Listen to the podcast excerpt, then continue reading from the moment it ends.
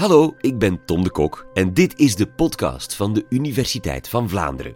Deze aflevering is net wat anders dan je gewoon bent van ons. Ze duurt ook bijna één uur. Dat komt omdat ons team een televisieprogramma gemaakt heeft dat Kennismakers heet en we dat via deze weg ook heel graag met jou willen delen.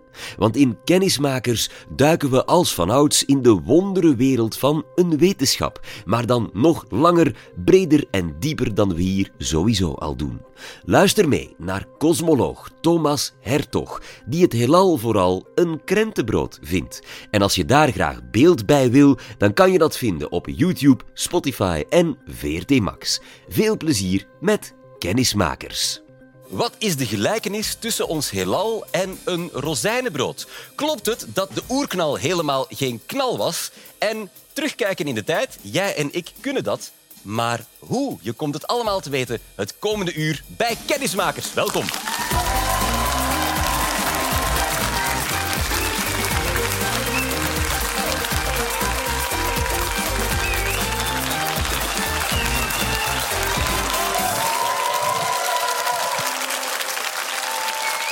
Dank u, dank u, dank u. En ook welkom aan iedereen hier in de studio. Een man die alles over de sterren weet, is cosmoloog Thomas Hertog. Twintig jaar lang werkte hij samen met de beroemde natuurkundige, hou u vast, Stephen Hawking. En samen sleutelden ze onder andere verder aan de theorie van Einstein. Enfin, hij was altijd in goed gezelschap, Thomas.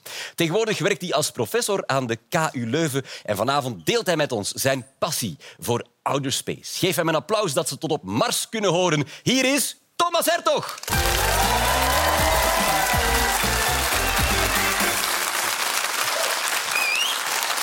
Thomas, welkom, welkom, welkom. Thomas, uh, je hebt, het, het ruikt nog naar de drukker. Je Ja, hebt net een nieuw wel. boek uit. Het ontstaan van de tijd. Uh, mijn reis met Stephen Hawking. Er staat veel wetenschap in. Maar wat me opviel is dat jullie ook wel eens van een feestje hielden. Ha, ja, ja. Dat wist ik niet over Stephen Hawking. Ja, ja, oh nee, nee. Steven was een feestvarken. Hè. Waar jij een Ja. ongelooflijke band mee hebt opgebouwd natuurlijk. Was het een echte jongensdroom om met hem samen te werken? Nee, wel, ik ben, ik ben in mijn studentenjaren naar Cambridge getrokken. En daar heb ik dan Hawking ontmoet. Maar het was eigenlijk eh, Steven die, die die vonk eh, deed aanslaan. En die mij deed beseffen dat, ja, dat je met die coole fysica het hele heelal kan bestuderen. Dat gaan we vanavond vertellen. Hij heeft jou met zijn passie besmet. Een hele mooie passie, want alles wat jullie doen is ook zo machtig om naar te kijken. Hè? Één, één voorbeeld voor ons. Kijk, wat, wat zien we hier? Het zwarte gat. Ja. Ja. Zes miljoen zonmassa's eh, samengeperst in een klein schijfje. Ook dat. Ja. Eh, alles wat Thomas doet, dames en heren, dat zijn allemaal grote cijfers, Ja. grote afstanden, grote aantallen. En toch, ons heelal, ja, dat lijkt ver van ons bed, maar dat is ook ons thuis. Hè. Wij, wij zitten daar middenin. Wij zijn daar nu. Wij zijn daar nu, dus ja. Je gaat er een klein stukje van moeten kiezen. Want je, jij weet zoveel, maar je gaat ons laten kennismaken met... Wat ga je doen vanavond? Goh, we gaan tijdreizen. We gaan terug naar hoe het vroeger was en eh, naar onze diepste wortels. Oké. Dus hou je vast, Tom. Beam us up. Thomas, dames en heren, Thomas Hertog.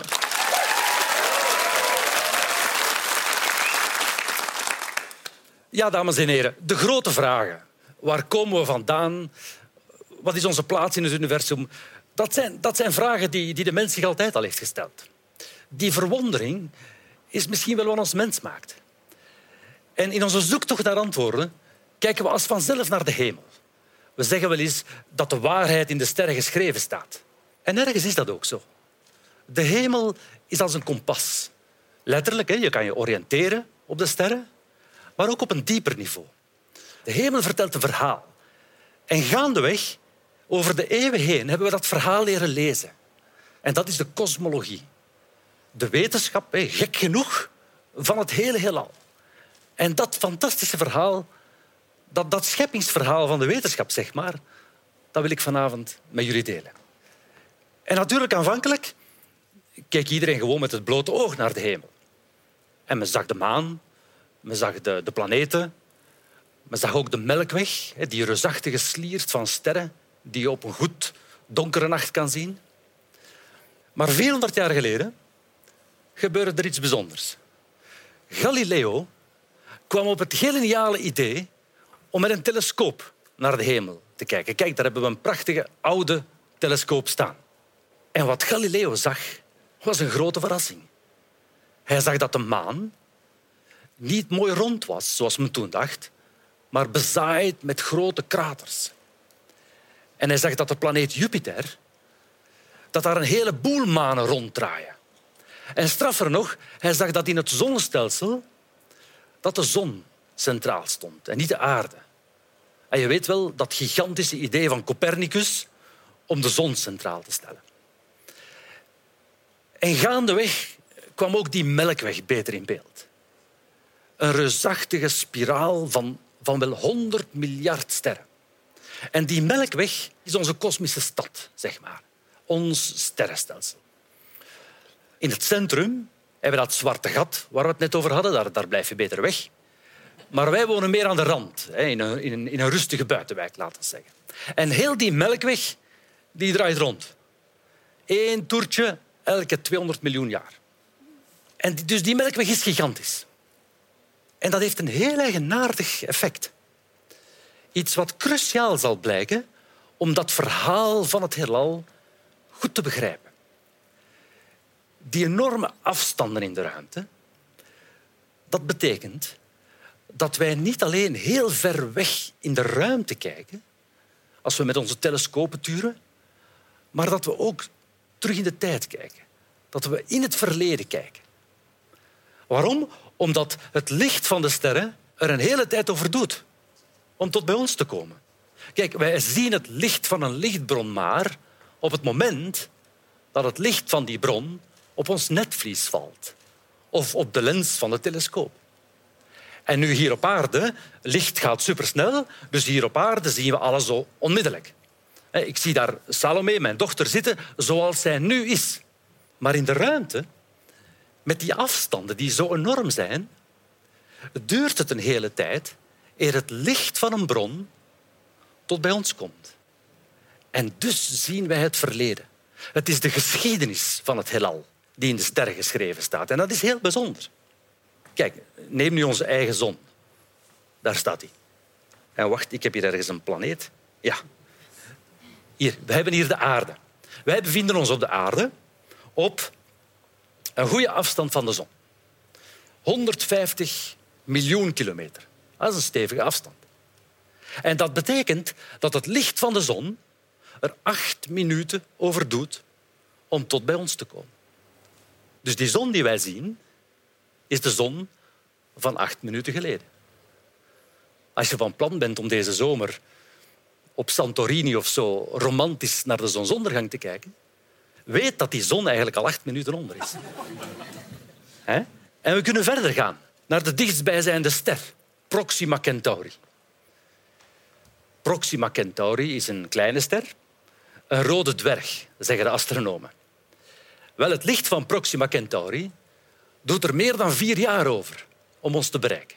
We zeggen daarom dat Proxima Centauri op vier lichtjaar staat. Een lichtjaar is de afstand die het licht aflegt in één jaar tijd. Kijk, een lichtjaar dat is de meetlat van de kosmologen. Hier op aarde tellen we in meters. Uw living bijvoorbeeld is vier op vijf meter of zo. Wel, in de ruimte tellen we liever in termen van lichtjaren. Dat is handiger.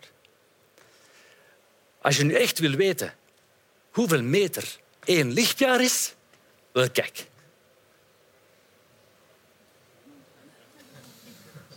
Een heel eindje. En dus Proxima Centauri staat op uh, 4,5 lichtjaar. Dat betekent dat wij die ster, die dichtstbijzijnde ster, vandaag zien zoals die 4,5 jaar geleden was. Nog voor die uh, halve finale tegen Frankrijk. en hoe dieper in de ruimte, hoe verder we terug in de tijd reizen. Kijk, hier is de krapnevel. De krapnevel is een ontplofte ster die voor het eerst door Chinese astronomen werd waargenomen in de middeleeuwen.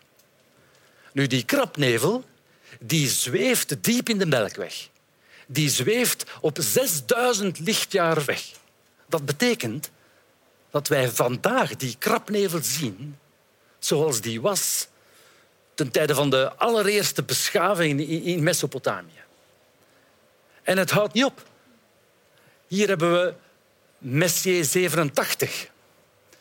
Messier 87 is een gigantisch sterrenstelsel in het sterrenbeeld Maagd.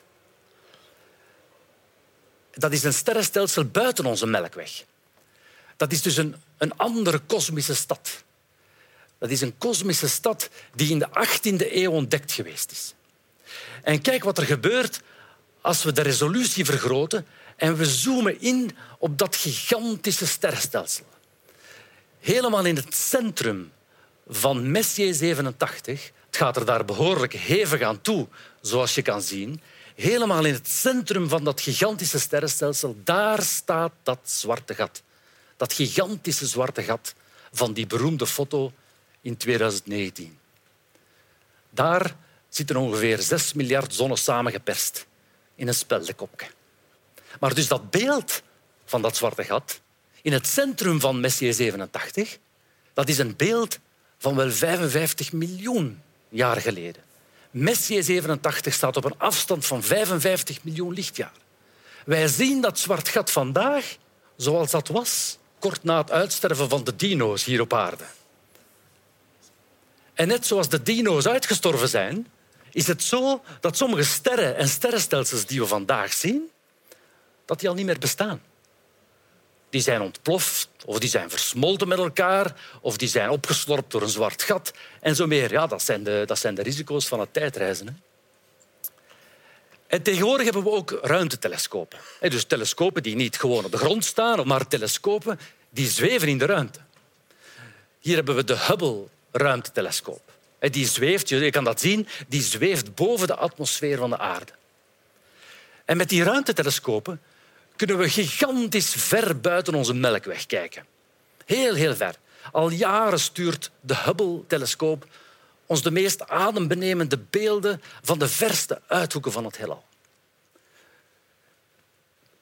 Dit is een van mijn favoriete beelden van de kosmos. De Hubble-telescoop heeft die foto genomen door met een extreem lange sluitertijd, een sluitertijd van enkele weken, naar een klein pikzwart plekje aan de hemel te kijken. Een plekje waarvan we dachten, daar is niks te zien. En het verbluffende resultaat was dit beeld. Wat je hier ziet, zijn geen sterren. Dit zijn heel de sterrenstelsels, net zoals onze Melkweg. Dit zijn sterrenstelsels, duizenden sterrenstelsels, die op een gigantische afstand van de aarde staan. 10, 12, soms zelfs 13 miljard lichtjaar ver. Zeker die, die oranje en die, en die rodere sterrenstelsels daar, die staan zeer, zeer ver weg. Dit is dus een beeld.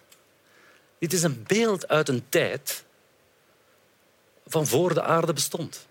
De teletijdsmachine van professor Barabbas is niks vergeleken met die Hubble Space Telescope. Trouwens, met kerstmis vorig jaar hebben de astronomen een nieuwe ruimtetelescoop gekregen. Iedereen zijn cadeautje. Hè? En uh, de James Webb-telescoop. De James Webb-telescoop die zweeft niet zomaar boven de atmosfeer van de aarde. De James Webb-telescoop is intussen 2 miljoen kilometer verderop. En, en die heeft zich tijdens zijn reis door de ruimte opengeplooid. Alsof hij zijn vleugels uitslaat. En ondertussen heeft de James Webb ons al zijn eerste beelden bezorgd. Prachtige beelden van sterren en sterrenstelsels. Die James Webb die is uitgerust met een infraroodcamera. Dus die, die vangt warmtestralen op. En daarmee gaan we de komende jaren op zoek gaan naar sporen van leven op andere planeten. En we hopen om nog een beetje verder terug in de tijd te kijken. De Hubble kon tot 13 miljard lichtjaar kijken. Met James Webb hopen we op tot 13,5 miljard lichtjaar ver te kijken. Nu, kan zeggen, goh, al dat gedoe voor een half miljard lichtjaar erbij. Waarom kan James Webb geen 20 of 30 miljard lichtjaar ver kijken? Maar dat heeft te maken met het feit dat we met die 13 en die 13,5 we zijn stilaan aan de allereerste sterren gekomen. Dus James Webb, dat laatste half miljard lichtjaar, is zeer bijzonder, zeer spannend. Dat gaat over onze diepere oorsprong. Maar er is nog iets aan de hand met die sterrenstelsels. Ik zei het al even, die verre sterrenstelsels die lijken wat roder. En dat is vreemd. En de eerste die dat in de gaten had, was Edwin Hubble. een Amerikaanse astronoom, de man naar wie de Hubble-telescoop genoemd is. En in de jaren 1920, toen waren er natuurlijk geen ruimtetelescopen.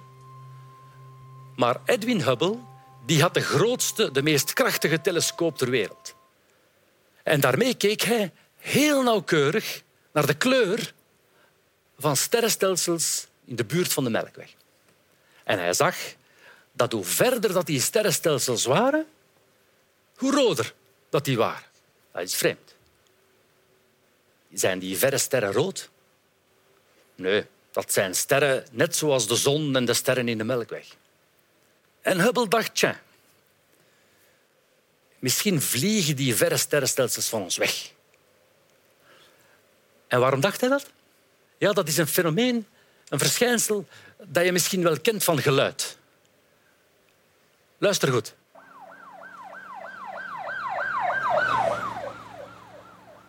Je hoort, als een ambulance naar jou toe rijdt, dan is de toon van die sirene hoger dan wanneer hij wegrijdt.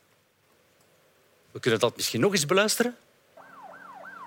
Hoog, laag. Hoe komt dat? Wel, geluid, geluid zijn golven. Geluid zijn trillende golven.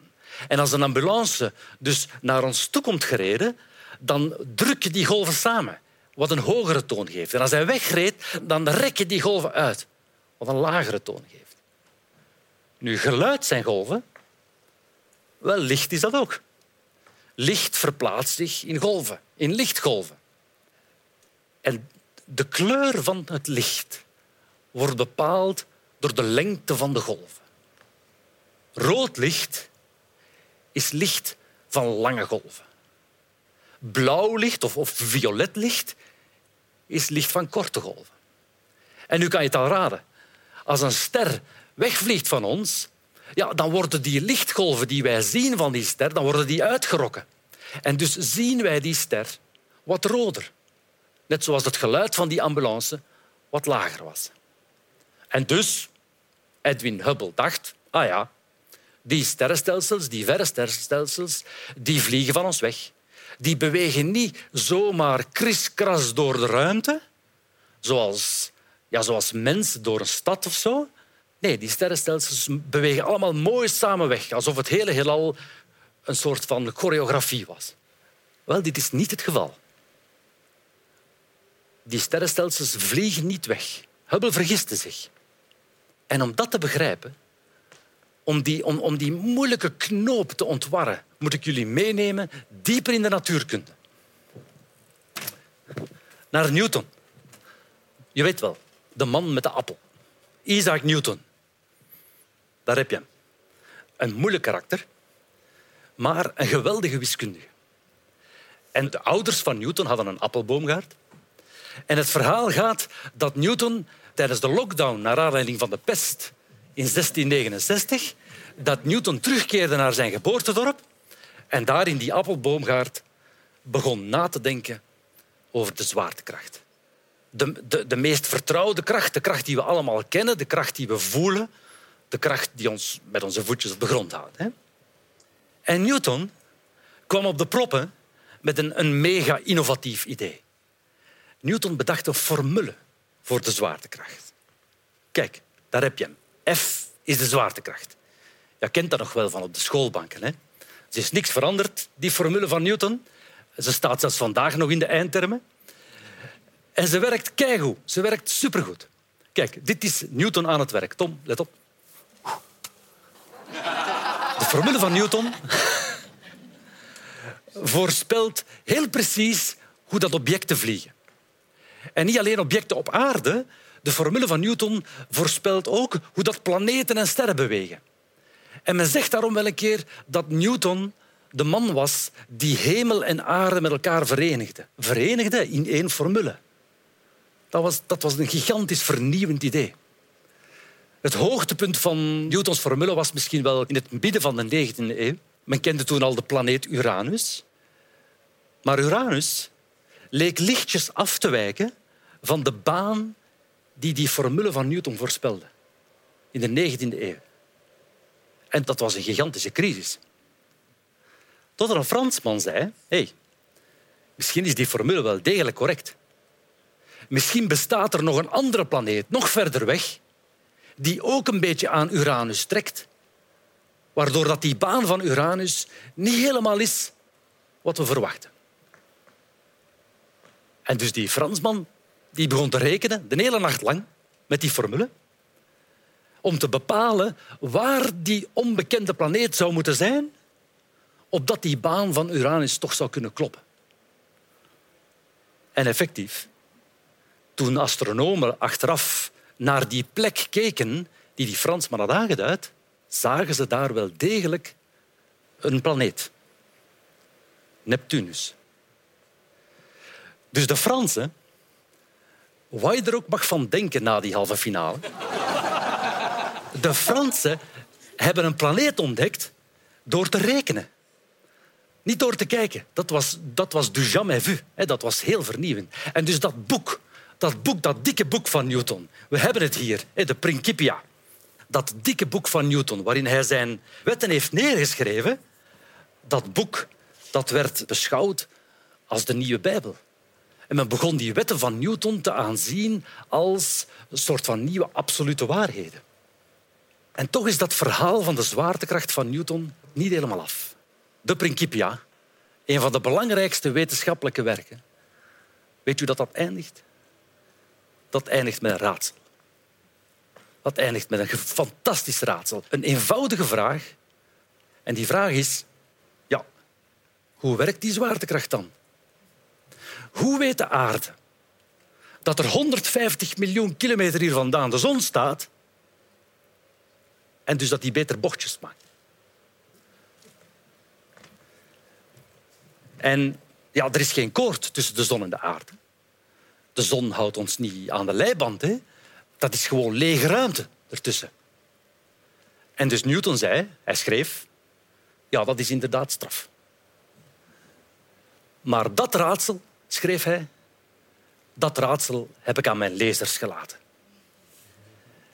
En 200 jaar later was deze man Newtons lezer. Albert Einstein. En Albert Einstein dacht, verdraaid. Dat is een geweldig raadsel. Ik ga dat oplossen. Nu, dat viel tegen. En het is er aan te merken, hij ziet er niet, niet, niet, niet geweldig vrolijk uit. En Einstein heeft daar tien jaar op gezweet en gezwoegd. Hij beschrijft die, heeft die achteraf heeft hij die periode beschreven als een lange, eenzame tocht door de woestijn.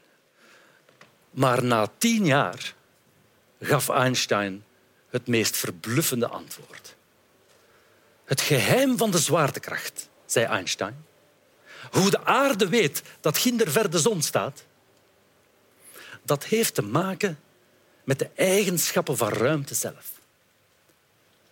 Zie je, Einstein in die tien jaar was anders beginnen nadenken over de ruimte. Wat als de ruimte geen, geen abstracte grote leegte is, maar een soort van fysische, een soort van natuurlijke substantie. Een soort van onzichtbaar weefsel dat alles met elkaar verbindt. Een weefsel ook dat kan plooien en vervormen. Dat idee was Einsteins meest geniale zet. En ik wil u tonen waarom. Kijk, we hebben hier dit doek. Beeld u in, dit is, dit is het vlak van de planeten. Het vlak waarin de planeten rond de zon draaien. Dit schijfje ruimte is vlak. Daar is niks mee aan de hand. En als ik daar nu een, uh, een planeetje in laat rollen, kijk, dan gaat dat planeetje gaat gewoon recht vooruit gaan. Maar kijk wat er gebeurt als ik er de zon bij haal. Dit is een zware bal, een prima zon. En ik ga die zon mooi in het midden leggen, want anders draait Copernicus zich om in zijn graf. En je ziet de massa van de zon vervormt dat ruimteweefsel. Er komt een buiging.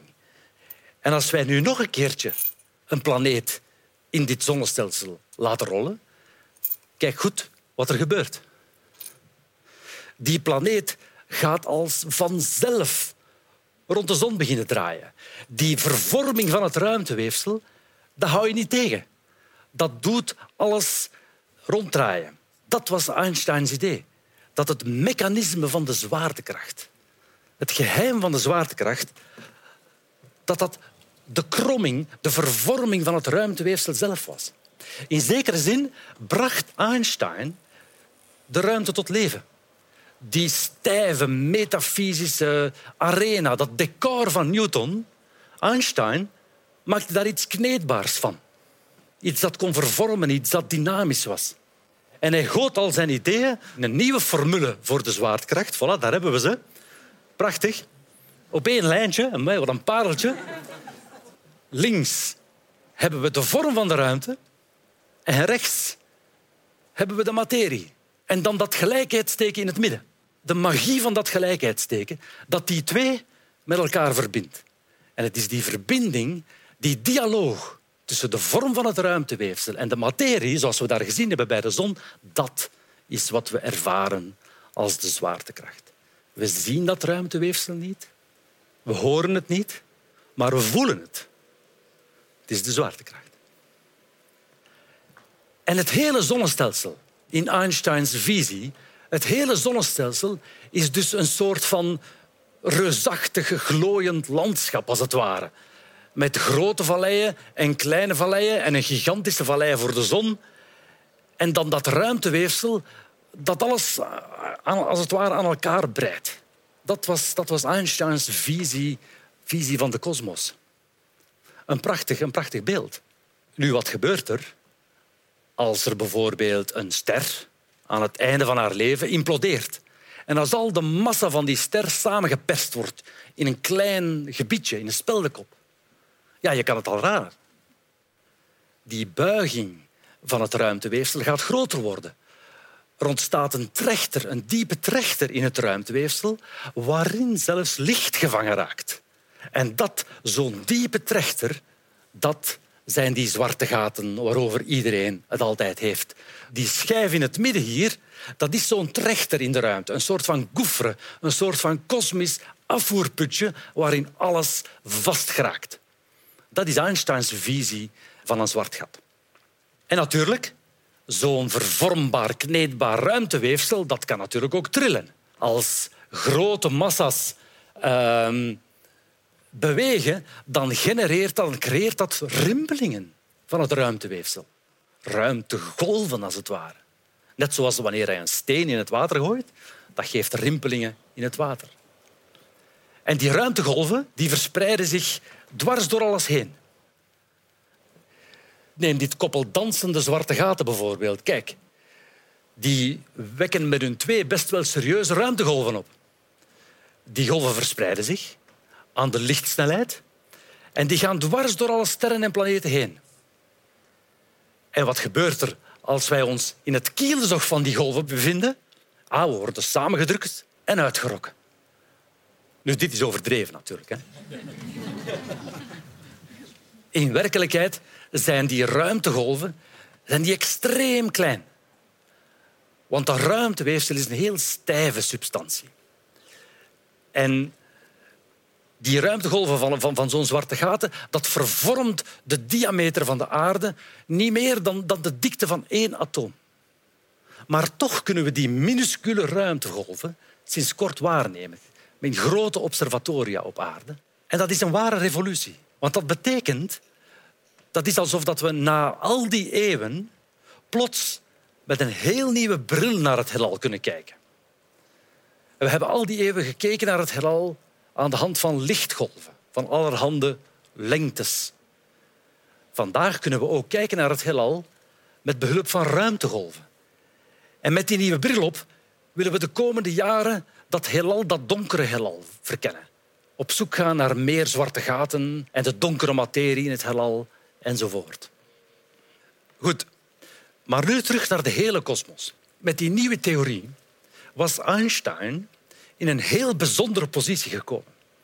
Hij was in staat, als allereerste mens, al voor de allereerste keer in de geschiedenis van de mensheid, om iets wetenschappelijks te zeggen over het hele heelal, over de, de hele ruimte, alles. En vreemd genoeg heeft hij die laatste stap, die meest revolutionaire voorspelling van zijn eigen theorie, vreemd genoeg heeft hij die laatste stap niet gezet. Dat is uiteindelijk gebeurd door, ja, hoe kan het ook anders? Een Belg. Deze man, Georges Lemaitre, een priester-astronoom uit Charleroi. Je ziet hem hier al, al lesgevend, al doserend in Leuven. En Georges Lemaitre in de eind jaren 1920 die, die keek met een open blik naar die nieuwe theorie van Einstein en die zag wat niemand had durven zien. Die stopte heel de materie, al de materie in heel het heelal, die stopte die in, in, in Einsteins formule.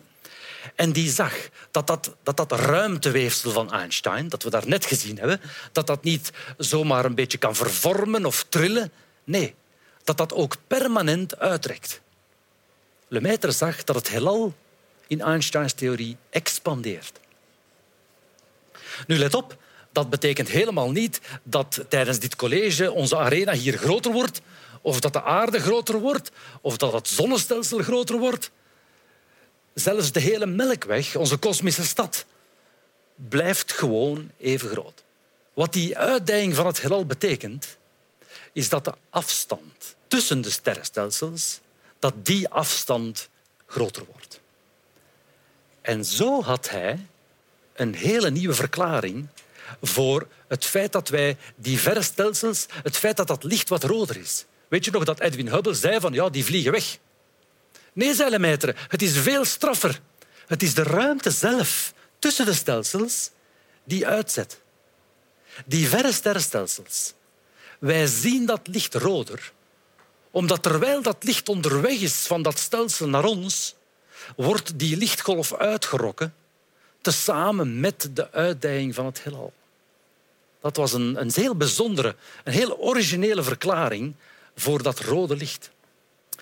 Nu, die uitdijing dat roept vaak wat vragen op. Dat, dat is een beetje verwarrend soms.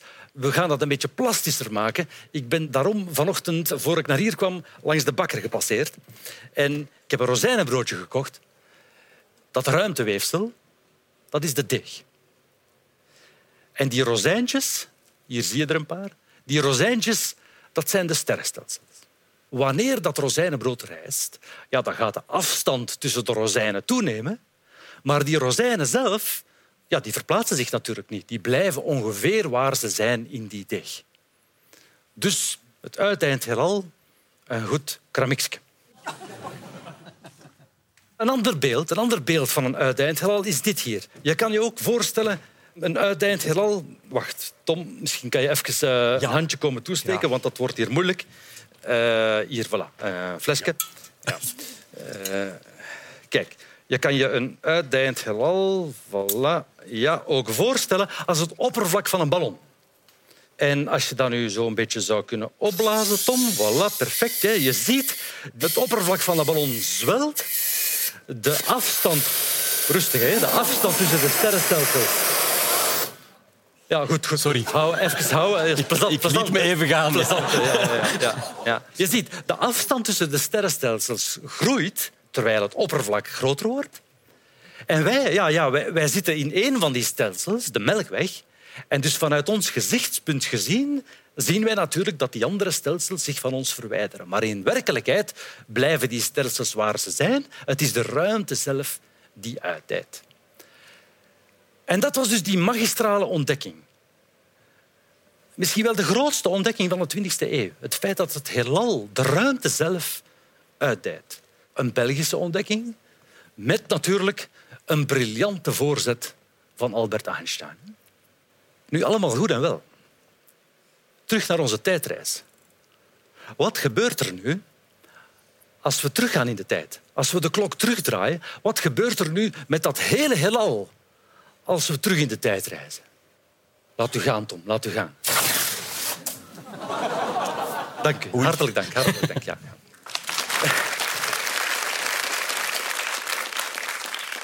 Kijk, Tom demonstreerde het al. De ruimte krimpt als we teruggaan in de tijd. De ruimte wordt kleiner. En er komt een moment in het verleden waarop dat ruimteweefsel van Einstein zichzelf vernietigt. En die ruimte met die formule, die neemt ook de tijd mee in haar ondergang.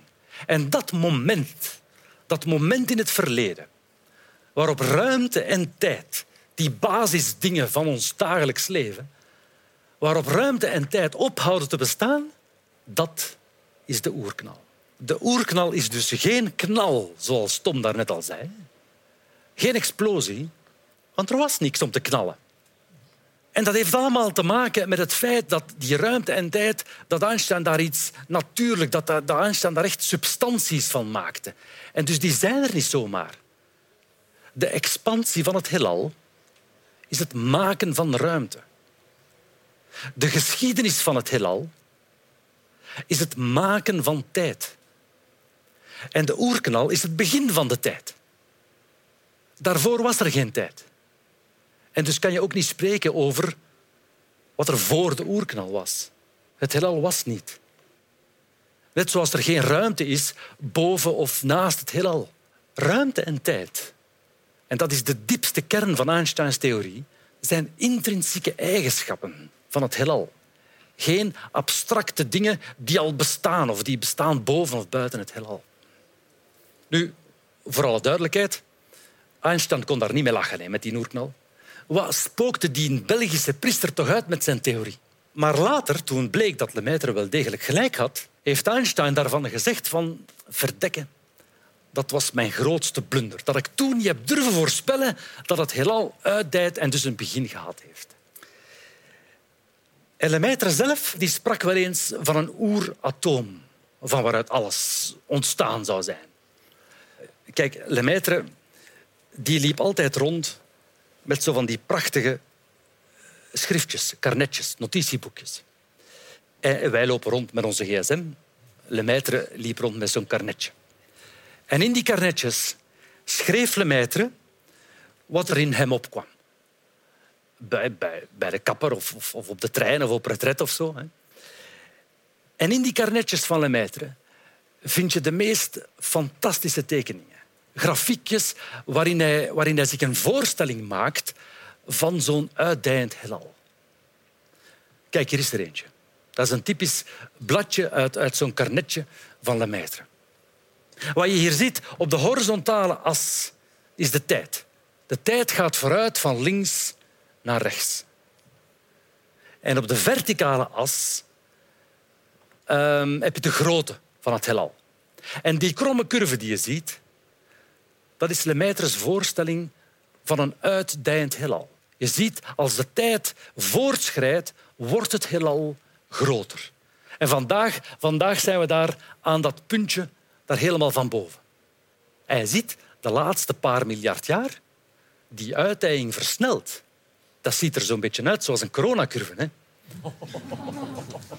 En de kosmologen die wijten die versnelling aan een mysterieuze donkere energie die de ruimte zou vullen en die die expansie aandrijft. En kijk wat er gebeurt als we teruggaan naar het verleden. Ruimte en tijd versmelten als het ware. Versmelten en verdwijnen. En hij schrijft daar atoom. Het oeratoom. Het nulpunt van de tijd. De dag zonder gisteren. En er was nog iets met die karnetjes. Je weet dat wel, die schriftjes. Je kan die langs twee kanten beschrijven. Je kan, je kan zo beginnen of je kan zo beginnen. En dat was precies wat Lemaitre deed. Hij schreef aan de ene kant zijn ideeën over het heelal. En dan aan de andere kant, Lemaitre was dus ook een priester, schreef hij zijn spirituele beschouwingen. En hij probeerde om in het midden een aantal bladjes leeg te laten, wit te laten. Alsof dat hij elke vermenging tussen zijn oerknaltheorie en, en God en geloof wou, ver, wou vermijden. Laat ons even luisteren naar wat Lemaitre zelf zei over God en de oerknal. Luister goed. Monseigneur, est-ce que le fait que l'univers, selon votre théorie, a un commencement, est-ce que cela a pour vous un sens religieux Il semble que toute théorie qui implique un commencement doit être quelque chose de peu naturel de dire on décide à ce moment-là, ça commence, c'est fait, c'est ce qui s'exprimait en disant c'est fait de rien. C'est-à-dire qu'on s'attendrait à ce que ça provienne de quelque chose, et on dit ça ne provient pas de ce quelque chose, c'est fait de rien. C'est-à-dire que le commencement est tellement inimaginable, tellement différent de l'état actuel du monde qu'une pareille question ne se pose pas. Donc, euh, vous vous refusez à l'idée que Dieu devrait expliquer le mouvement des galaxies, pour le dire très concrètement. Évidemment, c'est clair ça. We hebben God niet nodig bij de oerknal, zei Lemaitre. De oerknal dat is wetenschap. God en geloof, ja, dat gaat over zinvol en zorgzaam leven. Dat zijn, voor Lemaitre waren dat twee verschillende sferen, elk, elk met hun eigen rol. Nu, ik zei het al daarnet, iedereen was enthousiast over die oerknal. De naam Big Bang trouwens is een spotnaam die gegeven was door een, door een tegenstander van de oerknaltheorie. En uiteindelijk, die controverse rond de oerknal die had vooral te maken met het feit dat daar jarenlang geen bewijs voor was.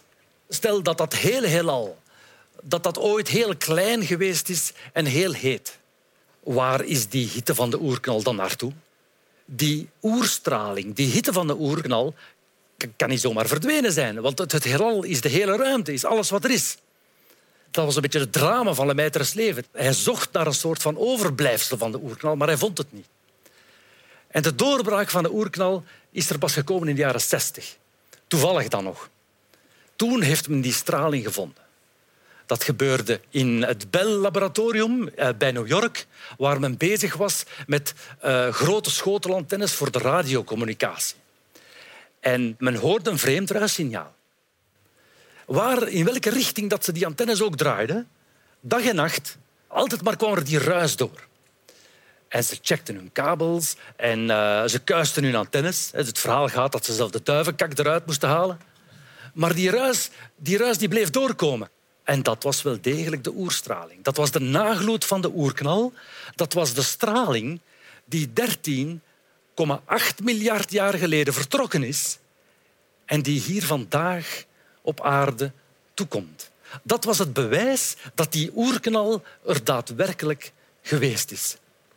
En wat er gebeurd is ondertussen, is dat de uitdijing van het heelal heeft die hete oerknalstraling doen afkoelen. Enorm doen afkoelen. De temperatuur van de oerknalstraling die ons vandaag bereikt, is heel koud. Is 270 graden onder nul. De uitdijing heeft daar een koud radiosignaal van gemaakt. En dat is de reden dat je daar met die antennes naar kunt luisteren. Nu, vandaag kunnen we die oerknalstraling heel precies in kaart brengen. Hè. We kunnen een hemelkaart maken van de intensiteit van de oerstraling zoals die ons bereikt in verschillende richtingen. En dan krijg je dit beeld. Deze kaart van de nagloed van de oerknal, een beetje een abstracte hemelkaart. Hè? Niet zo, dus dat, dat is hier niet de sterren of de sterrenstelsels. Nee, dit is een kaart die tot stand gekomen is door met een telescoop te kijken die specifiek ontworpen is om die koude oerknalstraling waar te nemen. Deze kaart dit is het alleroudste beeld van de kosmos. Dit is de ultieme horizon van onze tijdreis. Dit beeld voert ons terug naar een tijd van voor die eerste sterren van de Hubble-telescoop. En u ziet, de oerknal, de hete oerknal, die fonkelde. Er zijn warmere en koudere gebieden. En het verschil tussen die gebieden, die verschillende kleurschakeringen, dat is niet meer dan een kleine fractie van een graad. Maar die verschillen zijn absoluut cruciaal voor de levensvatbaarheid van het heelal. En dat ga ik u nu tonen. We gaan vertrekken van deze fonkelende oersoep en we gaan reconstrueren hoe de kosmos gedurende miljoenen en miljarden jaren geleidelijk aan meer en meer vorm heeft gekregen, meer en meer structuur heeft gekregen. En let u goed op op wat er gebeurt met die minuscule oerflikkeringen. U ziet, die warmere gebieden, die verschillen beginnen zich te verdichten. De donkere materie in die warmere gebieden begint te klonteren en er ontstaan gaswolken. En in die gaswolken ontstaan vervolgens de eerste sterren. Dat begin van het heelal dat is heel hevig. Die eerste generatie van sterren die exploderen. Maar langzaamaan zie je dat het heelal in een beetje een rustigere fase komt. Er ontstaan sterrenstelsels en uiteindelijk ook een nieuwe generatie van sterren met nieuwe planeten, het zonnestelsel, de aarde, het leven en de mens en uiteindelijk de satelliet waarmee we daarnaar kijken. 13,8 miljard jaar kosmische evolutie, gecompresseerd in een minuutje. van die minuscule oerflikkeringen tot dat complexe heelal van vandaag met planeten en sterren en de Belgische staatsstructuur en al die dingen. Ehm, dus wat hebben we ontdekt? We hebben gezien dat het heelal gigantisch groot is, met miljarden sterrenstelsels, dat het heelal uitdijt en dat materie en zelfs tijd en ruimte ontstaan zijn in een hete oerknal. We hebben ook geleerd dat die kosmische evolutie dat die bepaald wordt door dingen die we niet zien. We hebben geleerd dat er, dat er donkere energie in het heelal zit. En dat er donkere materie is die samen mee die kosmische evolutie beïnvloeden. Waar we eigenlijk geen flauw benul van hebben van wat dat, dat nu precies is. Dus we hebben geleerd dat we met onze telescopen nog maar een kleine fractie hebben waargenomen van wat er eigenlijk van de stuf in het heelal. Maar ik wil afronden met een raadsel. En je weet nog dat geweldige raadsel van Newton? Wel, kijk, die prachtige ontdekkingen van de kosmologie die plaatsen ons voor een fantastisch nieuw raadsel. En dat raadsel heeft te maken met die heel bijzondere, haast miraculeuze levensvatbaarheid van het heelal.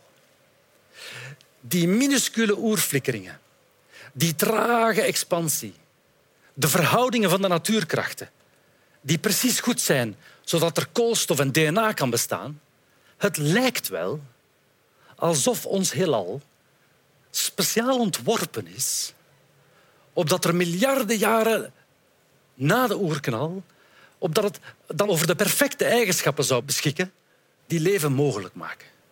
Dat is een fenomenaal raadsel. Start met een beetje andere oerknal, verander dat daar bij de oerknal een klein beetje en u komt in de problemen. U eindigt met een levenloos heelal. Te leeg, te vol, te sterke zwaartekracht, geen koolstof. Het is altijd wel iets. Wat vertelt dat ons? Wat maakt dat die oerknal het heelal zo perfect lanceerde, zodat wij dat vandaag kunnen bewonderen? Dat is het nieuwe raadsel van vandaag, een van de grootste raadsels van de kosmologie. Een raadsel dat, dat ons iets gaat vertellen natuurlijk over de oerknal, maar misschien ook over, over, over onze plaats in het universum. Dus je ziet, we zijn er nog niet. De hemel blijft ons verwennen met nieuwe vragen. Dat laatste raadsel is, is overigens uh, een raadseltje waar ik met Stephen Hawking lang op heb gezwoegd. En, en onze hypothese is dat er daar in de mist van die oerstraling dat er daar nog een diepere evolutionaire laag schuilgaat. Een laag waarin de natuurwetten zelf tot stand zijn gekomen. En je weet wel, het leven op aarde is geleidelijk aan ontstaan. Vanuit bacteriën naar vissen, naar reptielen enzovoort, naar zoogdieren. Wel, wij vermoeden dat het met de natuurkrachten, met de basiswetten van de fysica, dat het net zo gegaan is. Dat er diep in die prille beginfase een soort van Darwiniaanse evolutie heeft plaatsgevonden op het niveau van de natuurkunde. Waarin die boom van natuurkrachten ontstaan is. Kijk, we hebben die twee prachtige schetsen. Rechts heb je Darwins eerste schets van de levensboom. En links hebben we Lemaitre's schets van een uitdijend heelal. We vermoeden dat die twee schetsen dat dat geen twee gescheiden evoluties zijn, maar dat er een verband is tussen die twee. Dat dit in feite twee stadia zijn, twee niveaus van één grote overkoepelende evolutie. En het is die samenhang, dat verband tussen de kosmologische evolutie en de biologische evolutie, daar gaan we naar op zoek de volgende jaren. Maar natuurlijk, zoals ik al zei, die oerknal die zit in de mist. We kunnen die niet zien. We gaan het moeten stellen met die beelden van die oerflikkeringen. Om aan de hand van die beelden de oerknal toch te ontcijferen. Nu, hoe we dat gaan aanpakken en wat we verwachten, dat vertel ik jullie een volgende keer. Dank. Thomas Hertog, dames en heren. Wauw. Thomas, Thomas, Thomas. Ja, Stephen Hawking heeft bij jou het vlammetje aangestoken en jij bij ons, denk ik. Wie heeft er iets bijgeleerd, dames en heren? Ja, het voltallige publiek. Wauw. Hoe, hoe was het voor jou? Goed, wat een fantastisch auditorium. Dat zouden ze meer moeten doen. Ja, wie weet. Er is nog veel te vertellen natuurlijk. Dit was eigenlijk nog maar de inleiding. Ja, deel 1. Deel 1. We zullen zien wat we kunnen doen. In elk geval, je was een fascinerende, formidabele kennismaker. Dank je wel voor je tijd, Thomas Hertog.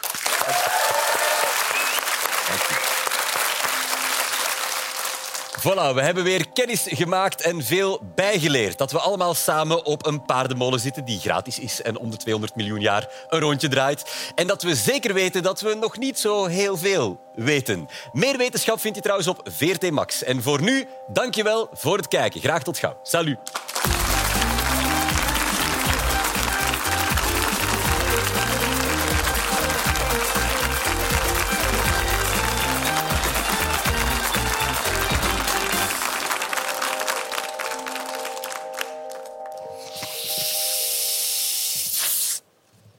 use the force, you must.